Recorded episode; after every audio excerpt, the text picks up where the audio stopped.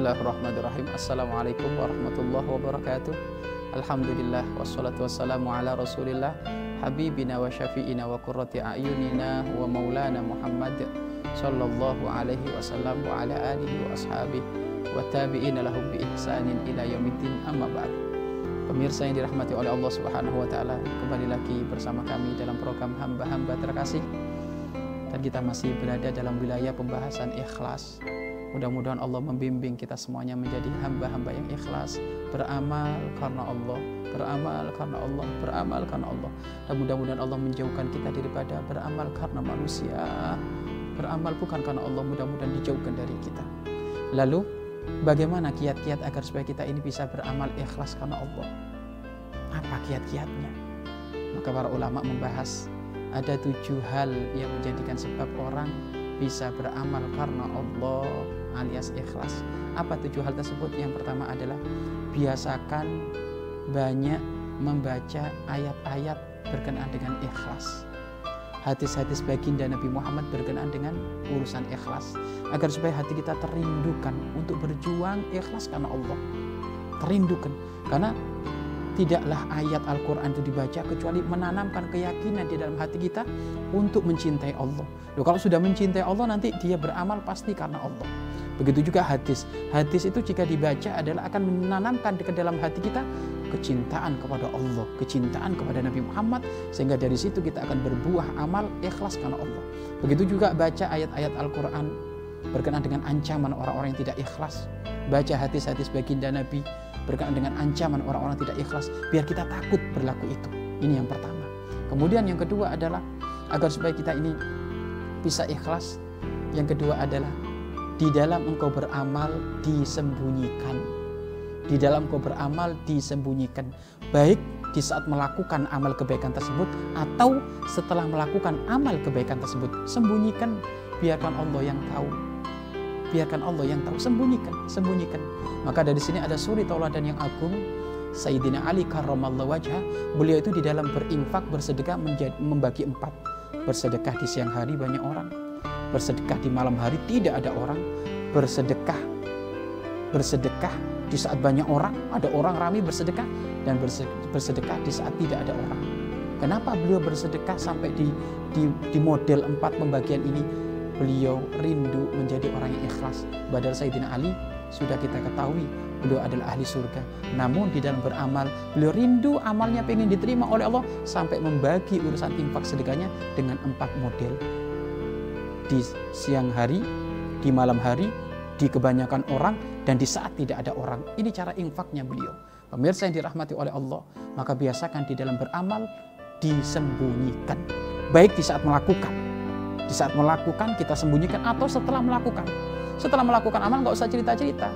Sekarang sekarang banyak orang setelah bangun malam, masya Allah cerita-cerita besoknya saya bangun malam bangun hilang lah. Karena dibalik dari cerita itu kan butuh sanjungan. Pengen disanjung, hilang nanti. Saya sudah infak sedekah, sudah sembunyikan itu semuanya. Beramal mau disembunyikan dan juga setelah beramal kebaikan pun disembunyikan. Gak ada yang tahu. Bahkan kalau perlu istri kita pun gak tahu, anak kita gak tahu di dalam urusan beramal hanya kita dengan Allah inilah termasuk ikhlas. Memang juga ada amal-amal yang memang harus ditampakkan. Karena mungkin kita menjadi figur publik atau kasuri tauladan memang perlu. Ada memang beberapa amal yang memang harus ditampakkan. Kayak haji umroh ini amal yang ditampakkan, maka harus nata hati. Jangan sampai karena sanjungan. Seneng di saat kita menampakkan amal sholat berjamaah, ini termasuk adalah apa ibadah-ibadah yang yang yang memang dianjurkan untuk ditampakkan, menuntut ilmu. Tetapi di saat kita menampakkan itu, kita harus nata hati. Karena Allah, karena Allah, karena Allah, bukan karena yang lainnya. Baik, itu yang kedua. Kemudian yang ketiga, di dalam kiat-kiat kita berikhlas menuju amalia ikhlas adalah kiat yang ketiga adalah memutus harapan manusia. Memutus harapan kepada manusia, memutus harapan kepada makhluk Jangan pernah berharap kepada makhluk, berharaplah kepada manusia. Karena yang pertama ini baca ayat ikhlas dibaca berulang-ulang kali, kemudian amaliyahnya sudah disembunyikan, tapi kalau yang ketiga ini nggak ada, artinya senantiasa berharap ridhonya manusia, berharap sanjungan manusia, berharap gede di hadapan manusia, berharap dipandang indah oleh manusia, Maka kalau seperti ini susah dia akan ikhlas. Maka jangan pernah berharap kepada manusia. Putus harapan kepada manusia. Manusia itu yang baik diomong apalagi yang jelek. Maka jangan pernah berharap kepada ridhonya manusia, tetapi ambil ridhonya Allah. Kalau Allah meridhoi kita, manusia pasti ridho. Tapi kalau kita mencari ridhonya, ridhonya manusia, belum tentu Allah ridho. Maka harap putusan kepada makhluk. Tetapi berharaplah kepada Al-Khaliq, dat yang menciptakan makhluk, Allah subhanahu wa ta'ala. Pemirsa yang dirahmati oleh Allah subhanahu wa ta'ala. Adapun kiat yang keempat, kiat yang keempat adalah melatih diri melatih diri dan berjuang untuk ikhlas. Melatih diri dan berjuang untuk ikhlas. Ini termasuk adalah kiat yang keempat. Contohnya seperti apa Pak Ustaz? Contohnya adalah jikalau kita menemukan dari beberapa amaliyah kita ini, kok ternyata ada yang tidak ikhlas, maka dikodok. Nah ini melatih diri untuk ikhlas, dikodok. Contoh, kita di saat infak ada orang kok tiba-tiba hati kita tergerak, seneng, ringan, gampang untuk mengeluarkan duit lebih yang dari sudah kita niatkan. Tadinya pengen infak cuma 500 ribu, karena dilihat orang akhirnya infak 5 juta. Oh, berarti ini ada karena dilihat manusia ini. Karena ada yang nonton ini. Sehingga saya mengeluarkan duit gede gara-gara ada yang nonton. Baik, malam tak kodok, gak ada yang tahu, tak kirim 50 juta. Nah, seperti itu. Dilatih diri kita untuk mengkodok amalia yang tidak ikhlas. Maka kalau sudah seperti ini terus, nanti kita akan tertata menjadi orang yang ikhlas, terlatih menjadi orang yang ikhlas. Sampai suatu ketika, suatu ketika diceritakan ada orang soleh. Orang soleh ini biasa di dalam melaksanakan sholat berjamaah ada di sop yang pertama. Dilakukan itu bertahun-tahun, sampai 10 tahun. Jadi 10 tahun dia tidak pernah sholat berjamaah kecuali di sop yang pertama selama 10 tahun.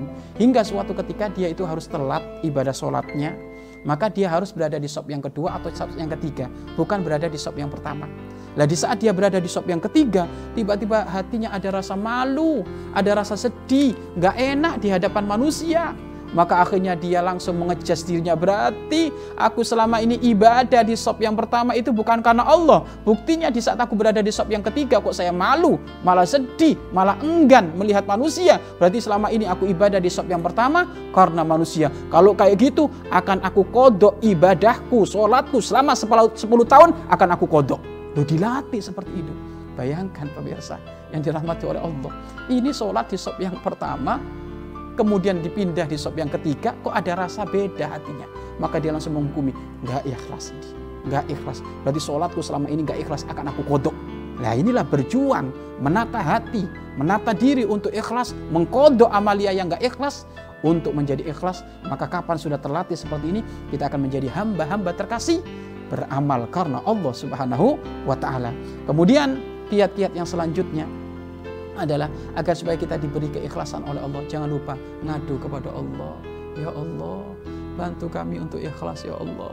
Ya Allah jadikan bacaan Al-Quran kami ikhlas, puasa kami ikhlas, infak sedekah kami ikhlas, bangun malam kami ikhlas, sholat berjamaah kami ikhlas, haji kami ikhlas, umroh kami ikhlas, terus ngadu kepada Allah. Udu'uni astajib lakum. Kamu minta ngadu kepadaku, saya akan aku kasih. Yang minta ikhlas akan dikasih oleh Allah. Ikhlas itu bahasa hati. Sesuatu yang terjadi dalam hati, urusan hati Allah yang ngatur. Maka minta kepada Allah ikhlas akan dikirim oleh Allah Subhanahu wa taala ikhlas. Itu yang kelima. Adapun kiat yang keenam, kiat yang keenam adalah agar supaya orang ini ikhlas. Kiat yang keenam adalah kumpul dengan orang-orang soleh yang mukhlis, orang-orang soleh yang ikhlas. Siapa orang-orang soleh yang ikhlas? Para ulama, para kiai, para habaib yang sering kumpul sama beliau. Mereka itu dalam urusan berdakwah tidak hitung-hitungan.